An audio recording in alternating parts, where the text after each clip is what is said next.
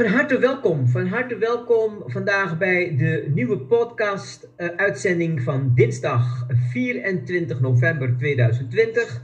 En bij Tijd voor Vitaliteit gaan de online dokter Eddie de Jong en ik in gesprek met onze gast.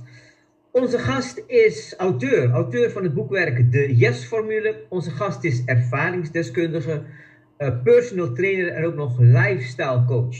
We hebben het vandaag over Jillian de Bruin. Jillian, van harte welkom. Dankjewel, goedemorgen. Middag al. Ja, we zitten al middag. Van harte welkom, fijn dat je er bent. Jillian, het thema van vandaag is ehm, ja, ehm, gezondheid, vitaliteit. Een gezonde lifestyle kan jouw leven veranderen. Nou ja, als je ook naar jou kijkt, dan zou je kunnen zeggen: dit thema is je op het lijf geschreven. Hè? Nou, daar gaan we echt alles over horen. En je weet, Julian, we hebben allemaal van tijd tot tijd, um, men zegt wel, issues met gezondheid, met vitaliteit. Nou, die heb jij ook gehad. Ik wil je vragen, neem ons mee naar, naar zeg maar jouw verhaal als het gaat over gezondheid, klachten en vitaliteit. Wil je ons daarin meenemen? Ja, natuurlijk. Ik uh, zal het proberen niet te lang uh, te houden. uh, het is een hele reis geweest, eigenlijk al vanaf jongs af aan. Um, in, nou, ik zal beginnen eigenlijk op de middelbare school. Uh, werd ik uh, gezien als een beetje dikkig uh, persoon, waardoor dat die stempel eigenlijk op mij gedrukt is. En pas een paar jaar later bekeek ik foto's van die tijd en toen dacht ik, ja, eigenlijk was ik helemaal niet zo dik op de middelbare school. Jillian, over welke leeftijd hebben we dan? We hebben het over 15, 16 jaar. Oké, okay, oké, okay, ja. Ik, ongeveer 18, 19 was, toen uh, ging ik foto's terugkijken en toen dacht ik, nou, dat viel eigenlijk allemaal reuze mee. Mm. Uh, alleen toen ik inmiddels de leeftijd van 18, 19 had bereikt, toen had ik zoveel emoties. Uh, ja, door eigenlijk die vervelende periode, waardoor ik dus eigenlijk al die kilo's er wel ben gaan aaneten en inmiddels toen wel te zwaar was. En toen begon eigenlijk voor mij de strijd met mezelf, dat ik eigenlijk altijd maar bezig was om die kilo's weer kwijt te raken. En ik heb daarvoor heel veel diëten uh, gevolgd, maar wel uh, ja, niet hele gezonde diëten, om het zo maar te zeggen. Dus vooral het uitommeren van mezelf, waardoor ik wel heel veel kilo's afviel, maar niet op een gezonde manier.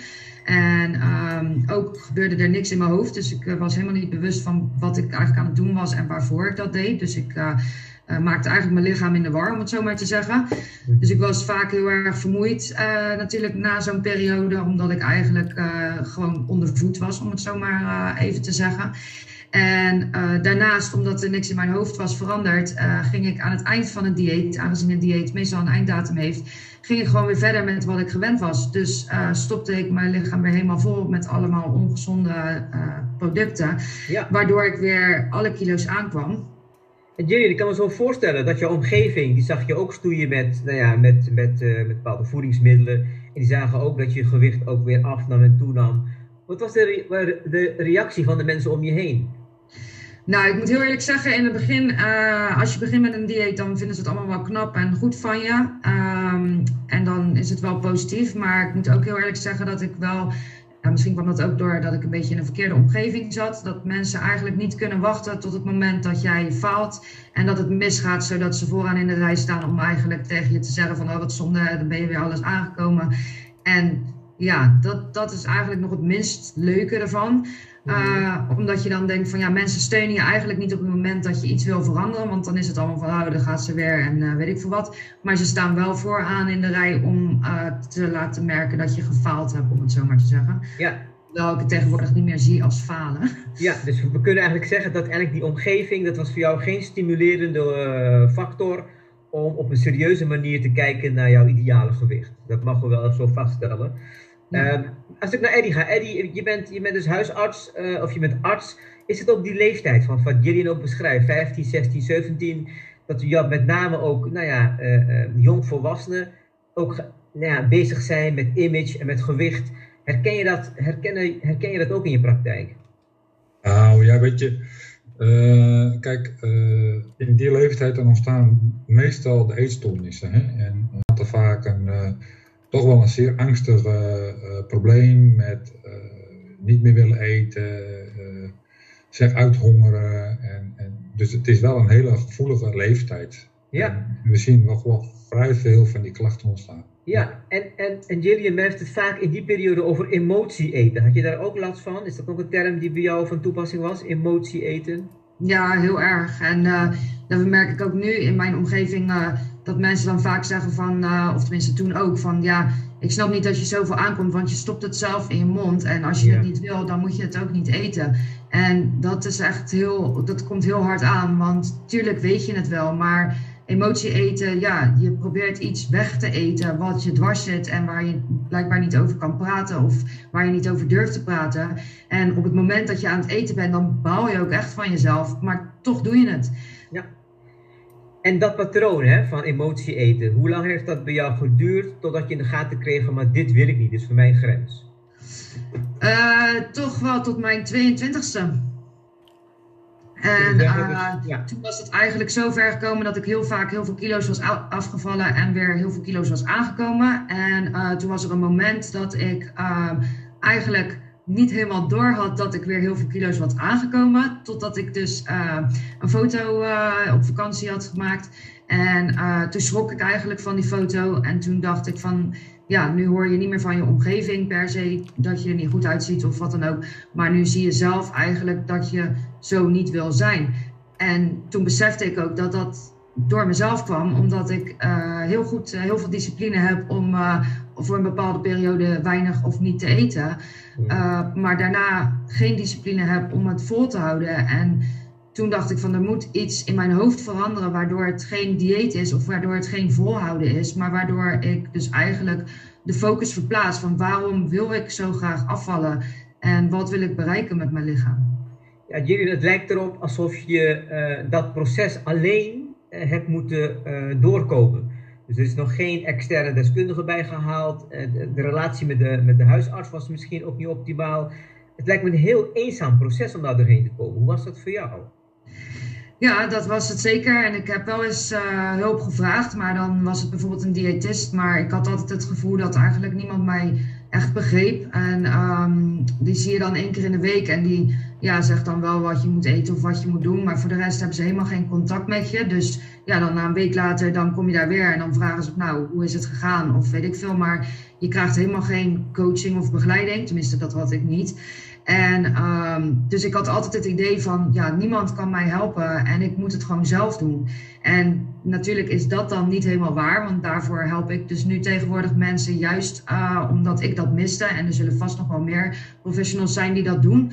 Alleen, ja, ik heb toen de tijd niemand gevonden, dus ik heb dat inderdaad zelf gedaan. En uh, dat was best een hele zware periode en dat heeft ook wel best even geduurd voordat ik daar echt uh, bovenop kwam. Ook omdat ik op een gegeven moment besefte dat het niet alleen in voeding zat, maar ook een heel groot stuk mentaal uh, ja, probleem was. Waar ik mee aan de slag moest om eigenlijk uh, ja, alles in balans te kunnen krijgen. Ja, je, zegt iets heel moois. Hè? op een gegeven moment, dat proces doorworstelend, kom je erachter dat er ook een mentaal stuk nog um, nou ja, aangepakt moest worden. Een beetje in mijn term gezegd voordat je echt in balans zou kunnen komen. Wat heeft jou uiteindelijk doen besluiten om te zeggen van oké, uh, dit is genoeg, genoeg is genoeg, ik ga het nu via een andere boeg uh, proberen.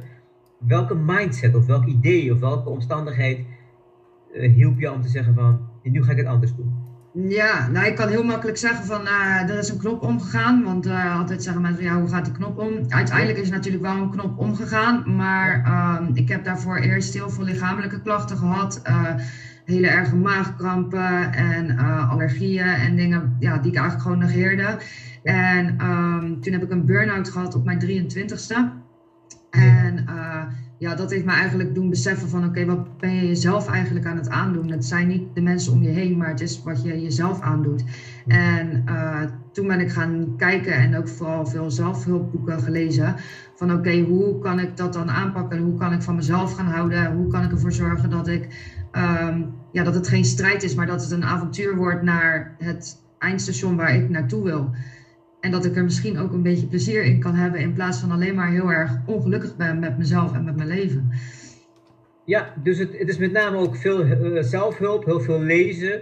Um, en dan op die manier toch proberen het knopje te vinden en het knopje te doen omzetten naar een andere lifestyle.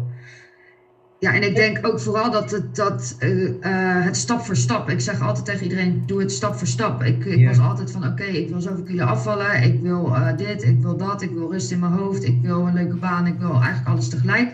En dat willen veel mensen, waardoor het doel eigenlijk in je hoofd veel te groot is. En waardoor je dus eigenlijk nooit komt waar je wil. En toen ging ik eigenlijk denken van oké, wat is nu het belangrijkste? Kijk, dat eten en dat afvallen was voor mij heel belangrijk. Alleen wat we net al even zeiden, emotie eten, ja, dat komt ergens vandaan. Dus misschien kan ik eerst beter op zoek gaan naar waar komt die emotie vandaan en hoe kan ik die eerst aanpakken, waardoor ik dus niet meer naar eten ga grijpen op bepaalde momenten. Ja, en durf je met ons te delen, Jillian, om welke emotie het toen ging? Kun je daar vrij over praten?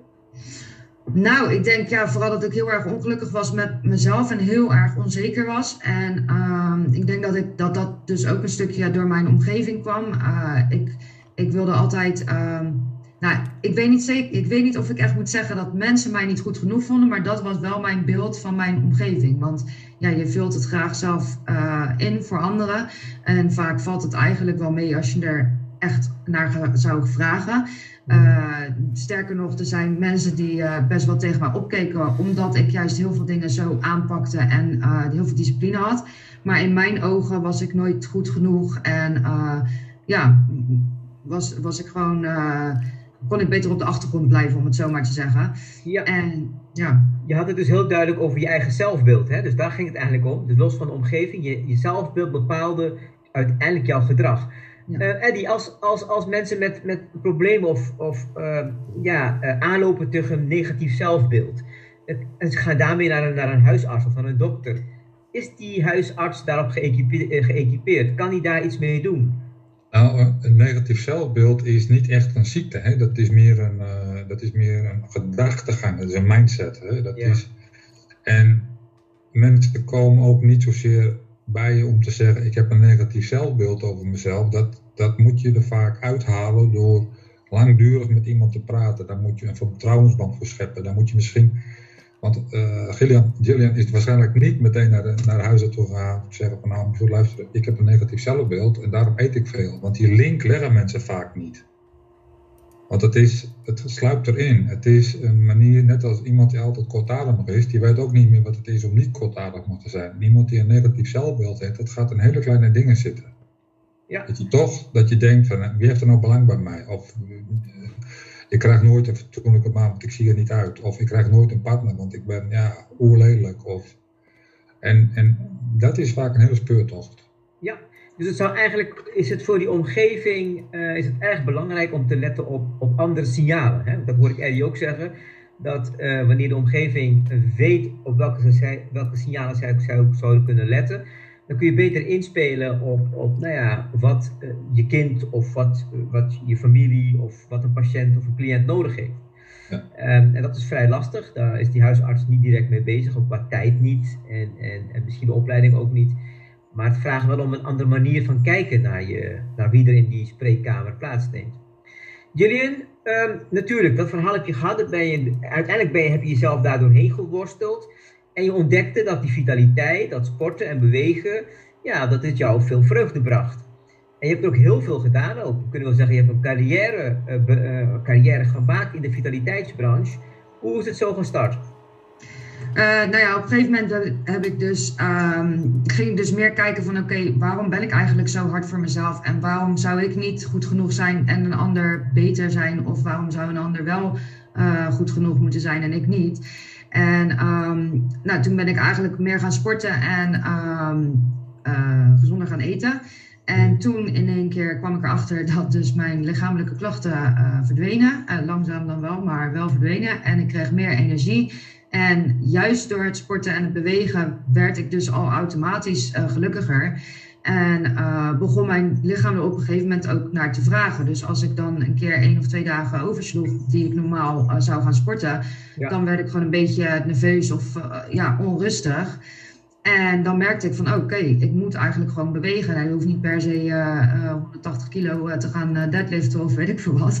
Ja. Ik, dat is voor ieder persoon is dat natuurlijk anders. Maar ik heb best wel veel energie van mezelf. Dus voor mij is het ook een uitlaatklep. Dus ik merkte dat ik eigenlijk door mijn energie ergens in te kunnen steken, dat ik daar weer nieuwe energie voor terugkreeg. En dat was heel erg nieuw voor mij. En doordat mensen in mijn omgeving eigenlijk mijn uh, reis inmiddels wel een beetje kenden en meemaakten en zagen dat ik nu niet meer, uh, ja, eigenlijk geen terugval meer had, om het zo maar even te noemen, mm. kwamen er steeds meer mensen naar mij toe om mij dus om advies te vragen. En dat vond ik natuurlijk wel heel erg leuk, want dat was in één keer een hele andere kant van het verhaal voor mij. En toch stiekem was er nog een stemmetje in mijn hoofd die zei van, nou waarom komen ze eigenlijk dan naar mij en wat zou ik dan weten? En toen dacht ik van, ja, jij hebt het natuurlijk allemaal zelf meegemaakt. En eigenlijk vanaf daar ben ik ook dus mijn personal training opleidingen en uh, voedingsopleidingen gaan doen. Om ook die mensen daadwerkelijk te kunnen helpen. En toen dacht ik, ja, als ik hier nou mijn werk van kan maken, dan is dat denk ik het allermooiste cadeautje wat ik heb gekregen na zo'n zware strijd. Mooi, mooi. Mooi hoe je vertelt dat uiteindelijk jezelf aan de slag ging. Dat sport en beweging een soort oplossing was, jouw redmiddel. En dat anderen jou hebben benaderd om, uh, om jou te vragen van nou, adviseer mij en bij, mij, bij mijn gezondheidsklachten of mijn, uh, of mijn streefgewicht. En zo heb je jezelf verder ontwikkeld. Want wat voor, wat voor trainingen en opleidingen heb je allemaal gevolgd? Kun je daar een paar van noemen? Um, ja, nou, ik heb dan de, de fitnessopleidingen en de small group training opleiding en de personal training opleiding gedaan. Dat is dan eigenlijk alles op uh, sportgebied. Ook um, ja, nog wat cursussen voor uh, boksen, petstraining, voor de mensen die hun agressies kwijt willen en dat even lekker op los willen slaan. En um, nou ja, daarnaast ik kwam er op een gegeven moment achter dat ik mijn doelen niet kon bereiken met alleen sporten. En toen dacht mm. ik van nou, ik ben toch nu best goed bezig en best gezond. En toen ging ik uh, invullen in een voedingsappje wat ik nou eigenlijk allemaal at. En toen merkte ik dat ik eigenlijk alleen maar calorieën aan het tellen was en eigenlijk niet keek naar de producten die ik daadwerkelijk in mijn mond stopte. En toen dacht ik, nou, die voeding is toch eigenlijk altijd wel een dingetje geweest. Dus toen ben ik een andere weg weer ingeslagen om mij meer te verdiepen in de voeding. En daar heb ik onder andere uh, Sportvast uh, programma uh, gevolgd en Vegan Switch. Dus om te kijken wat doet je lichaam nou als je alleen maar plantaardige voeding eet. En ik heb ook een keto cursus gedaan, die heb ik ook zelf gevolgd. En dan moet ik zeggen dat ik daar ook erg enthousiast over was. Maar daardoor heb ik wel heel veel inzicht gekregen in voeding en in um, nou, eigenlijk vooral de voedingsstoffen die er in onze voeding zit. En um, hoe gezonder je eet, dat, uh, dat je eigenlijk veel meer kan eten. Ja, Julien, we gaan even een korte break nemen, een muzikale intermezzo. En dan gaan we straks verder met je praten over de Yes-formule. Yes. We zijn zo weer terug.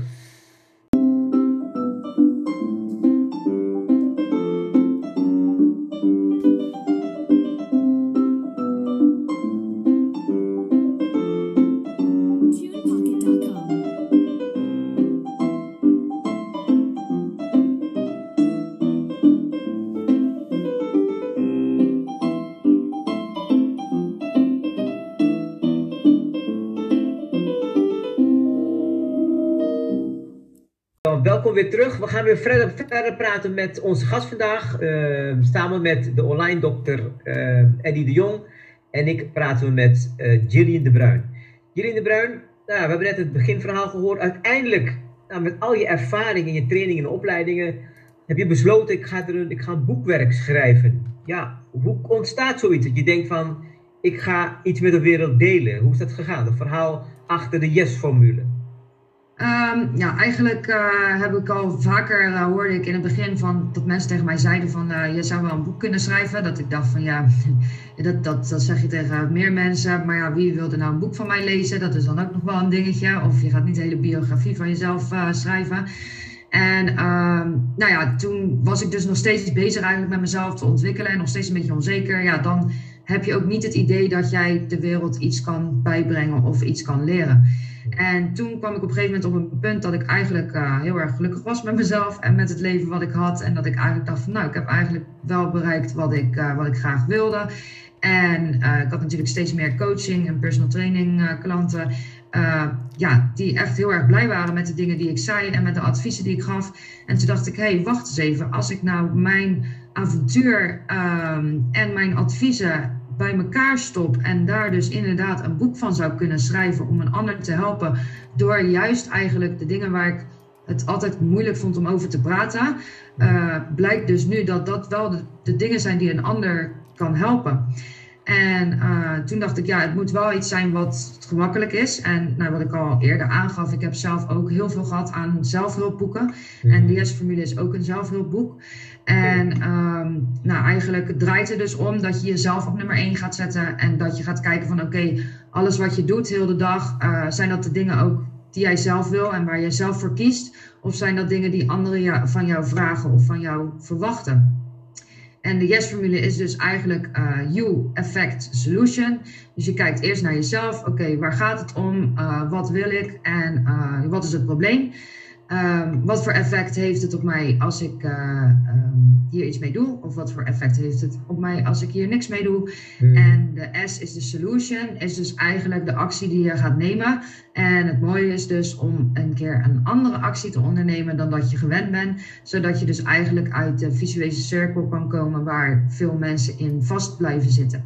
Ja, ik ga even terug naar, uh, naar onze online dokter. Eddie, je bent meer een moderne dokter. Als je het verhaal van Gillian zo beluistert. En er komt iemand in de spreekkamer, of die belt jou op, of die stelt online een vraag waarbij je dit patroon herkent. Hoe zou jij daarmee uh, anno 2021, 2020 mee omgaan? Nou, ik denk dat ik, uh, uh, ik denk dat ik mede ook omdat ik dus met Gillian al gesproken heb, ik sta helemaal achter haar aanpak. Ik denk dat je eerst moet kijken wat het allerbelangrijkste is. Wat, hoe denkt iemand over zichzelf? Waarom? Want eten is een symptoom. Dat is niet, een, is niet de ziekte. Dat is het toch. Of je hebt honger, of je. Beide. Ik zou. Je kan zeggen, je kan doorverwijzen naar een diëtist. Net wat Jillian al zei, ja, die, die doen maar wat voor je, maar dat is één keer per week. Mensen moeten begeleid worden. En, en die begeleiding, die, uh, dat moet niet alleen één keer in de week of één keer in de maand, maar dat moet continu. Je moet eigenlijk een vraagbaak blijven. En ik zou daar ook zeggen, je kan mij vragen, maar ik zou ook kijken van, kan ik iemand vinden die, uh, zoals Gillian of een andere vitaliteitscoach, die de, uh, de kop bij de horens kan vatten. Ja, ik hoor je dus zeggen dat normaal gesproken kijk je als arts naar een voedingspatroon en dan kun je doorverwijzen of naar een diëtist of naar een psycholoog. Maar jij zou zeggen, in die nieuwe aanpak, dan ben je eerder bereid om er ervaringsdeskundige bij te halen, in plaats van iemand doorsturen naar een, naar, naar, een diëtist of een psycholoog. Uh, Gillian, denk je dat dat een goede manier is als Eddie dat zou doen? Dus niet direct doorsturen naar een diëtist, maar misschien eerst nog even een één op één met een ervaringsdeskundige. Zie je daar meerwaarde van in? Ja, daar zie ik zeker meerwaarde van in. En uh, ik merk ook dat heel veel mensen. Um, kijk, ze vinden het wel fijn inderdaad, ze een psycholoog of een diëtist. En uh, er is ook niks mis mee. Daar, dat is helemaal niet wat ik, uh, wat ik zou willen zeggen. Maar um, wat Eddie inderdaad zegt, is je hebt gewoon veel meer begeleiding nodig. En vaak durven mensen ook niet om die hulp te vragen. Dus het is al een hele grote stap om naar zo iemand toe te gaan. Maar om uiteindelijk ja, dan een mailtje te sturen of iets van als je nog een vraag hebt, dat uh, ja, dat is vaak een hoge drempel. En ik uh, zeg dus ook altijd tegen de mensen die bij mij komen: je mag me altijd appen of uh, stel me vragen als je vragen hebt. Maar als ik niks hoor, dan ga ik ze zelf appen of dan ga ik ze zelf bellen. Want dan weet ik van het kan niet dat jij nu één keer bij mij bent geweest en dat, dat je geen vragen hebt of dat er niks is waar jij tegenaan loopt en dat alles helemaal goed gaat. Want anders zou je niet bij mij komen. Dus dan ga ik ze ook zelf een uh, berichtje sturen. En dan vaak krijg je een heel lang berichtje terug met allerlei vragen en problemen. En dan denk ik, ja, mensen hebben gewoon echt nodig dat, dat, het, ja, dat stukje persoonlijk dat, je de, dat ze het gevoel hebben dat je er echt voor hun bent en dat, je, ja, dat ze ergens op terug kunnen vallen op iemand die niet oordeelt uh, of veroordeelt misschien beter. Nog even terug naar jouw boekwerk, Julian, de, Yes-formule. Daar zit ook een werkboek bij, hè, waar je hebt goed over nagedacht. Dus een literatuurwerk, maar ook een werkboek. Um, voor, welke, voor welke doelgroep is dat boekwerk bedoeld? Um, ja, ik vind dat altijd een beetje lastig om te zeggen. Ik weet wel wat mijn doelgroep is, uh, maar het boek is natuurlijk voor iedereen. En ja, sommige mensen zijn wat jonger, sommige mensen zijn wat ouder wanneer ze hiermee aan de slag willen gaan of wanneer ze misschien al tegen bepaalde vraagstukken aanlopen. Ehm, wat ik zou zeggen is de leeftijd tussen 35 en 55. En vooral uh, vrouwen, omdat die uh, ja, toch wel heel erg lang uh, met bepaalde dingen rond blijven lopen. En misschien wat sneller naar een zelfhulpboek zullen gaan zoeken of gaan grijpen. En ehm, de reden dat ik een werkboek erbij heb gemaakt is ook omdat ik dat eigenlijk miste bij de zelfhulpboeken die ik heb gelezen. En ik ben best wel proactief. Dus alles wat er in een boek stond, dat ging dan meestal ook wel uitvoeren. Maar op het moment dat je aan het lezen bent, dan wil je ook weer verder lezen op het moment dat je even geen tijd hebt voor een opdracht. Dus ik benadruk ook specifiek in mijn boek van oké, pak nu je werkboek erbij en ga dit nu doen. Want anders is het van oké, dat doe ik later wel. En ik denk dat we het allemaal het later wel doen uh, wel kennen. En dat is gewoon het uitstellen waar uiteindelijk afstel van komt. En dan ben je ineens door het boek heen en dan is er alsnog niks gebeurd. ja, nou ja, eh, het boekwerk en uh, de yes-formule kan men terugvinden in het boekwerk en het werkboek kan men ook aanschaffen. En dan kan daarmee aan de slag. Maar ik denk dat het ook, dat het ook een extra toegevoegde waarde heeft als men met jou in gesprek gaat en je, je ze daarbij ook kunt begeleiden. En kom op het thema uh, leeftijd, uh, leefstijlinterventies. Hè? Want dat is natuurlijk ook wat je doet als lifestyle coach. Um, ja, je hoort vaak het, het, fenomeen, we beginnen ergens mee, we beginnen ergens aan een dieet. En dat het, het bekende fenomeen is dat mensen ook terugvallen. Dus terugval in oude patronen. Stel voor, dus iemand heeft jouw boek gekocht, werkboek ook. En die merkt ook dat ondanks het boekwerk dat ze weer terugvallen in oude patronen. En die gaan dan bellen met Jillian. Hoe ga jij dan met die mensen aan de slag? Van intake tot en met zeg maar, de eerste succes. Hoe ziet, hoe ziet dat traject eruit bij jou? Nou, ik denk dat het vaak de valkuil is dat mensen te snel willen uh, gaan. Dus dan zeggen ze, ja, ik heb je boek uh, gelezen en ik heb alles eigenlijk gedaan. Nou ja, dan zou ik eerst vragen van, oké, hoe lang heb je daarover gedaan? Uh, want ja, vaak willen we eigenlijk van, van maandag op dinsdag willen we het veranderd hebben. En zo werkt het niet. de oude patronen die je hebt, die uh, heb je ook lang over gedaan om het een uh, gewoonte te maken. Dus een, om een nieuw patroon aan te leren, zal je ook gewoon even wat geduld en wat uh, discipline nodig hebben om daar daadwerkelijk een leefstijl van te maken waar je niet meer over na hoeft te denken. Mm-hmm. En um, ik heb expres dus geen voorgekoude schema's of diëten of voedingsplannen, ook niet in mijn coaching. Um, ook al willen mensen dat wel altijd heel graag en vragen ze ook om.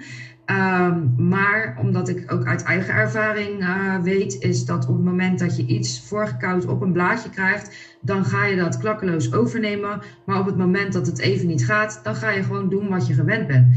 Dus ik zou, uh, ik ga dan altijd eigenlijk stap voor stap te werk, waarbij we dus nou, bijna ongemerkt de aanpassingen maken in de leefstijl. Waarbij mensen dan in één keer na één of twee maanden dat je dan een vraag stelt, wat eerst voor hun onmogelijk was, uh, dat ze dan ineens zeggen van, oh, oh ja, dat doe ik eigenlijk nu elke dag. Ja, en hoe moeilijk was dat nou? Ja, dat, ja, weet ik eigenlijk niet. Dat is vanzelf gegaan. En natuurlijk is het niet vanzelf gegaan, maar doordat je het met kleine stapjes en kleine passing, aanpassingen eigenlijk uh, ja, weet te veranderen, gaat het gewoon makkelijker en kun je dat ook makkelijker volhouden. Jullie, ik hoor je zeggen dat je heel bewust bezig bent omdat die onbewuste patronen die we allemaal hebben, omdat je daar op dat niveau ben je eigenlijk aan het sleutelen. Uh, dus zonder dat ik het door heb of de andere het door heeft, ben je uh, onbewust nieuw gedrag aan het aanleren. Dat is eigenlijk wat je doet. Op dat niveau ben je dus bezig om iemand mee te nemen in nieuw gedrag. Even terug naar Eddie. Eddie, je bent online dokter. Als je dit zo, uh, als je dit zo voorbij ziet komen, iemand die besluit toch um, aan de slag te gaan met, uh, met vitaliteit aan de hand van een boekwerk. Die gaat met jullie in gesprek. Jij zal ongetwijfeld ook je visie daarop hebben. In hoeverre vind jij dit medisch verantwoord? Hoe, hoe, hoe kijk je daar vanuit, een, vanuit de artsenarij daarnaar? Nou, ik, ik denk dat elke training uh, van belang is. Ik denk ook dat elke verandering van voeding en voedingspatronen belangrijk is. Ja. Ik heb met uh, Gillian sowieso afgesproken dat wij. Uh, ze had een hele mooie vragenlijst gemaakt. Dat is een van, inventariserende vragenlijst. Ik heb tegen haar gezegd: kunnen nog wat medische vragen ertussen zetten. Maar er zijn natuurlijk altijd mensen die willen afvallen en die willen dat het liefst van, wat Gillian ook al zei, van vandaag op morgen willen ze 10 kilo kwijt. En die gaan dan heel fanatiek sporten, maar die hebben bijvoorbeeld net een of recent een operatie ondergaan, of die hebben een kunstheup, of wat dan ook. Maar de meeste mensen hebben dat niet, maar er zitten altijd mensen tussen die willen gewoon snel. Die lichaam uithongeren, die gaan over de grens. En ik denk dat we daarvoor wel ook een screenende vragenlijst hebben. En dat is ook de extra service die Gillian kan bieden. Dat namelijk altijd een arts meedenkt en mee kan beoordelen als dat nodig is. En ik denk dat ze daarmee een van de weinige vitaliteitscoaches is die, die sowieso die dubbele service kan aanbieden. Dubbele dienst. Ja, mooi. Julian, je bent niet alleen maar schrijver van het boekwerk De Yes-formule, je bent ook ervaringsdeskundige, daar heb je ons nou ja, toch daarin dat verhaal meegenomen. Voor de mensen die het nog niet echt op hun, duidelijk op hun netvlies hebben. Het verschil tussen lifestyle, want je bent en lifestyle coaching en personal trainer. Wat is het typische verschil tussen die twee uh, diensten die je aanbiedt? Nou, eigenlijk moet ik uh, daar een kleine correctie in maken, want het is eigenlijk eerder live coaching en uh, personal training. Uh, omdat ehm, ik dus gemerkt heb bij personal training, dus het verschil wat ik daarbij kan uitleggen, is dat personal training vooral gericht is op het sporten. En uiteraard komt daar bij mij standaard een stukje voeding bij, omdat ik dus zelf ook inderdaad uit ervaring heb meegemaakt dat alleen sporten daarmee wil niet gelijk betekenen dat je gezond bent. Um, want als je natuurlijk van alles in je mond blijft stoppen en heel veel traint, dan uh, lost het alsnog niet heel veel uh, op. Dus daar zit altijd een stukje voeding bij. Dus dat valt meer onder lifestyle. maar ook vooral in deze tijd is het toch wel zo dat je heel veel te maken hebt met mensen met burn-out klachten. En vooral de mensen die dat nog niet kunnen of durven te erkennen. En als je die in een sportschool zet, dan kan dat het laatste zetje zijn om iemand helemaal eigenlijk uh, te breken. En uh, daarvoor doe ik dus ook live coaching. Uh, dan zou het sporten uh, of bewegen ook gewoon een wandeling kunnen zijn en niet per se in de sportschool. En dan gaan we echt kijken van oké, hoe ziet jouw leven er op dit moment uit? Dat kan zijn op zakelijk gebied, kan zijn in je relatie um, of inderdaad je relatie met eten of wat dan ook. Um, en hoe kunnen we dat verbeteren zodat je weer uh, sterker gaat worden en in je kracht komt te staan om uiteindelijk misschien wel die stap naar de sportschool te maken of niet. Maar in ieder geval de beste versie van jezelf uh, te worden. Ja, dus eigenlijk zeg je, we hebben te maken met drie takken van sport. Je, je bent live coaching, dat gaat over nou, jouw relatie met het leven. Daarnaast heb je nog live, leefstijl interventies, wat je zou kunnen doen om met nou ja, goede voeding, beweging en sport aan de slag te gaan, of misschien ook met stress. En dan heb je daarna nog een stukje personal training. Dus dat, als ik het in drie stappen uh, verdeel, dan gaat het om drie aspecten. Klopt dat? Ja, ja. en ik zeg ja. altijd uh, inderdaad uh, mentaal, fysiek en omgeving. Ja. ja, mentaal, fysiek en omgeving. Dat zijn de drie domeinen die jij, waarlangs jij de mensen meer helpt aan vitaliteit. Goed, we gaan er weer even tussenuit voor een korte in muzikale intermezzo. En dan zijn we straks weer terug bij de podcast-uitzending met als gast vandaag Gillian de Bruin.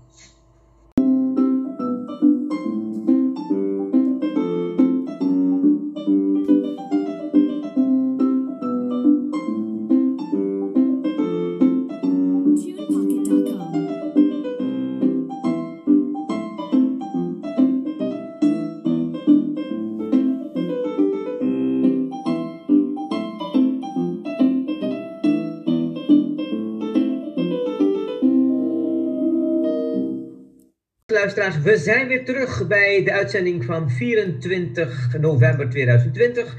Vandaag hebben we de online dokter Eddie, uh, online Eddie de Jong en ik te gast Jillian de Bruin van het bedrijf Motivation. Volgens mij had ik het bedrijf nog niet genoemd. Dus Jillian de Bruin is van Motivation. Jillian is auteur van het boekwerk DS-formule, ervaringsdeskundige, life coach en ook personal trainer.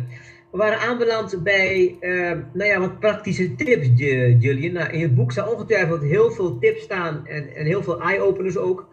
Maar ik kan me voorstellen dat nou ja, met de feestdagen in het vooruitzicht uh, je misschien ook wat praktische tips hebt. Voordat je over die tips gaat praten, ik weet ook dat jullie sinds kort, althans Julian en de online dokter, die hebben een vragenlijst met de wereld gedeeld. Misschien is het even aardig om over die vragenlijst te praten, Julian. Je hebt een vragenlijst gemaakt, we hadden het in het begin daarover, bedoeld om mensen een spiegel voor te houden. Uh, mensen kunnen die vragenlijst online invullen. Um, kan echt iedereen die lijst gewoon invullen en ervaren hoe die spiegel werkt? Uh, ja, je kan inderdaad, uh, iedereen kan hem gewoon invullen. Het is niet zo dat op het moment dat je hem op verzenden drukt, dat er dan een uitkomst gelijk op je beeldscherm te zien komt. En dat is, de reden daarvan is omdat ja, in onze ogen is ieder mens is anders. En wij willen het ook graag persoonlijk houden. En als je een voorgekoud Ehm, advies of iets daarbij zou vermelden, dan is dat stukje persoonlijk toch weer weg, want dat geldt dan niet per se voor iedereen. Uh, dus we laten die vragen invullen. op het moment dat je eigenlijk die vragen invult, ga je zelf al nadenken over bepaalde zaken. En weet je zelf ook wel van: oké, hier had ik nog nooit over nagedacht dat dit ook een stukje gezondheid is. Of dat dit misschien erg is of schadelijk is voor mijn gezondheid. Dus zonder antwoorden te krijgen, maar wel te geven, krijg je dus al eigenlijk een inzicht over jezelf en over je eigen gezondheid. En op het moment dat je dus eigenlijk het formulier uh, verzendt, dan komt hij bij ons terecht. En dan kunnen wij uh, telefonisch contact opnemen om dus echt persoonlijk advies te geven en te laten zien van oké, okay, nou ja, dit is wat je doet en dit is eigenlijk wat er beter kan. En dan zit daar niet gelijk een traject aan vast uh, waarbij we je dus per se uh, ergens in mee willen slepen. Maar vooral uh, ja, een advies om te laten zien wat je kunt doen. En dan kan de persoon zelf altijd beslissen van oké, maar ik zou niet weten hoe ik dit alleen moet doen. En dan kunnen wij daar uiteraard bij helpen. Week praktische tips mee onze luisteraars. Dus de vraag aan onze gast van vandaag, Jullie de Bruin, is of zij ook een aantal tips voor onze luisteraars heeft.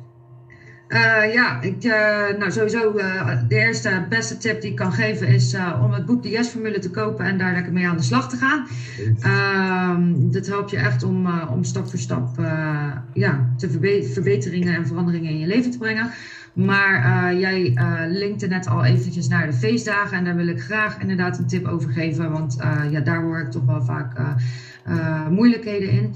Um, we moeten even goed beseffen dat de feestdagen in december zijn er maar drie of vier. Dat zijn er geen 30 of 31. Dus dat hoeven er ook geen 30 of 31 te zijn.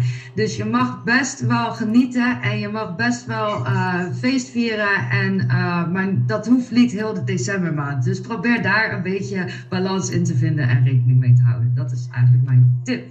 Ja, leuk Julian hoe je, hoe je nou ja, eigenlijk ons ook een beetje uh, nou ja, aanspreekt hè, op het feit dat het gaat vaak zien we ook de maand december een echt een feestmaand. En feest wordt vaak geassocieerd met nou ja, ruim eten, ruim drinken en heel veel ontspanning. Maar jij zegt ook heel bewust, van ja, eh, het gaat om drie feestdagen, misschien ook drie eetdagen, maar de rest van de maand kun je gewoon in balans blijven. Um, wat zou dan toch heel praktisch helpen? Want je, je, zet, je, vraagt wel aandacht voor die maand december, maar een praktische tip die we gewoon vanuit onze luie stoel kunnen toepassen. Um, nou ja, probeer naar jezelf te luisteren en wat je gevoel uh, tegen jou zegt. Want vaak zijn eigenlijk de dingen die we niet zo leuk vinden of die ons teleurstellen, zijn eigenlijk de dingen die je al vanuit jezelf kan voelen of wat uh, signalen die je lichaam uh, geeft. Dus op het moment dat jij eigenlijk besluit om iets te doen, sta eens even bij jezelf stil. Is dit wel echt wat ik wil? Ja, ja. Dus even check bij jezelf van wil ik dit wel? Uh, is het iets wat van binnenuit komt, of is het iets wat van buiten, nou ja, van zeg maar die prikkels die van buiten afkomen, en, uh, of, of, gaat het vaak om gekweekte behoeften? Dankjewel, we gaan naar dokter, de online dokter Eddie. Eddie, je hebt ook mee zitten luisteren. Heb jij nog vanuit jouw kant praktische tips als het gaat over een goede leefstijl kan jouw leven veranderen? Ja, weet je, uh, gewoontes duren een bepaalde tijd om aan te leren en af te leren. Maar als jij een bepaalde gewoonte inbouwt in je, in je, in je wezen, in je bestaan, elke dag bijvoorbeeld uh, een half uur gaat wandelen, of elke dag zorgt dat je toch twee stuks fruit eet en uh, minder chocolade laat staan en de chips en al die andere dingen s'avonds. Dat ga je op een gegeven moment ga je dat leren, want dat wordt het iets wat in je systeem zit. Net als op de snelweg niet harder rijden dan 100 km per uur of uh, op tijd gaan naar bed toe gaan. Dat zijn allemaal dingen, dat, daar moet je gemotiveerd mee bezig zijn, maar je moet er ook, mee, ook van doordrongen zijn dat het voor jouw lichaam uh, een weldaad is. En dan gaat je lichaam er ook om vragen. Dat, dat klinkt wat raar, maar die gaat er ook naar verlangen, naar goede rust, goed eten. Want je voelt je beter. ja, ik hoor bij jullie beiden het advies van luister vooral naar je lichaam. Dat is wat jullie beiden ook meegeven. Uh, ga niet af op die prikkels die op ons afkomen. Precies. Maar leer, leer ook luisteren naar je lichaam. Ook dat is een vaardigheid. Maar goed dat jullie aandacht vragen voor echt de basic, hè, natuurlijk van vitaliteit. leer luisteren naar je eigen lijf. Dankjewel. We gaan kijken naar eventuele, ehm, eventuele events of ontwikkelingen op het terrein van vitaliteit. Hebben jullie iets te melden vanuit jullie kant? Als het gaat om voeding, een congres. Ik zag dat Eddie een cardio-event had benoemd. Maar is dat de aanstaande week? Zijn er events waarvan jullie zeggen, het is handig om dat met elkaar te delen? Ja, dat is in december. Dat is een online event. Dat gaat over de cardiologie. Dat is in België. Uh, iedereen is welkom. Je kan gewoon aansluiten. En daar wordt ook ruim aandacht besteed aan leefstijl en allerlei andere zaken. Want uh, voorkomen is beter dan genezen. En vooral als het gaat over die grote ziektes zoals hart- en vaatziekten, waar heel veel mensen sterven elk jaar in Nederland, aan kanker. Heel veel is gerelateerd aan welvaart dat noemen ze velvaartziekte, maar het is geen welvaartziekte. Het is gewoon een overmaatziekte. Ja, een overmaatziekte. Ja, het komt door de overvloed. Ja, welvaartsziekte, overvloed is allemaal herkenbaar. Nou, we zijn aan het einde gekomen van deze uh, podcast-uitzending. Um, wij danken onze gast Jirin de Bruin van Motivation voor, haar, voor het delen van haar persoonlijk verhaal en het uh, aanreiken van tips. Ja, het verhaal achter Jillian is nu iets duidelijker geworden. En ook haar motivatie om ook anderen verder te helpen om met lifestyle aan de slag te gaan. Dus dankjewel Jillian. Maar we nemen geen afscheid van Jillian uh, voordat we haar gevraagd hebben om een persoonlijke boodschap met ons te delen. En dat zal ik onze online dokter Eddie ook vragen. Dus we gaan van jullie een persoonlijke boodschap uh, aanhoren voor onze luisteraars. En dan nemen we afscheid van jullie. Mag ik bij onze gast beginnen, Jillian? Welke boodschap geef je ons mee naar aanleiding van deze uitzending? Uh, de boodschap die ik wil meegeven is: wees niet te streng voor jezelf, wees niet te hard voor jezelf. En uh, kijk of je stap voor stap dingen kunt aanpassen om wat gelukkiger, worden, gelukkiger te worden met jezelf. Dankjewel voor die boodschap. En fijn dat wij jou vandaag in ons midden mogen, mochten hebben. Yes, dankjewel. Bedankt voor de uitnodiging. Graag gedaan. Eddie, voor jou dan de boodschap die je de luisteraars wil meegeven? Voorkomen is beter dan genezen. En uh, hou er rekening mee dat uh, in een gezond lichaam hoort een gezonde geest.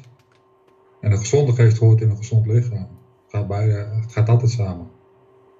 Dankjewel. Dankjewel Jillian de Bruin. Dankjewel uh, Eddie de Jong. Maar ook grote dank aan Hans de Groot die ja. ook vandaag deze podcast uitzending verzorgt. Het was voor mij een grote eer om vandaag jullie, met jullie samen deze podcast te mogen doen. Dankjewel voor jullie tips en heel veel succes met het goede werk wat jullie allemaal doen eh, op het terrein van de vitaliteit. Dankjewel en tot de volgende keer.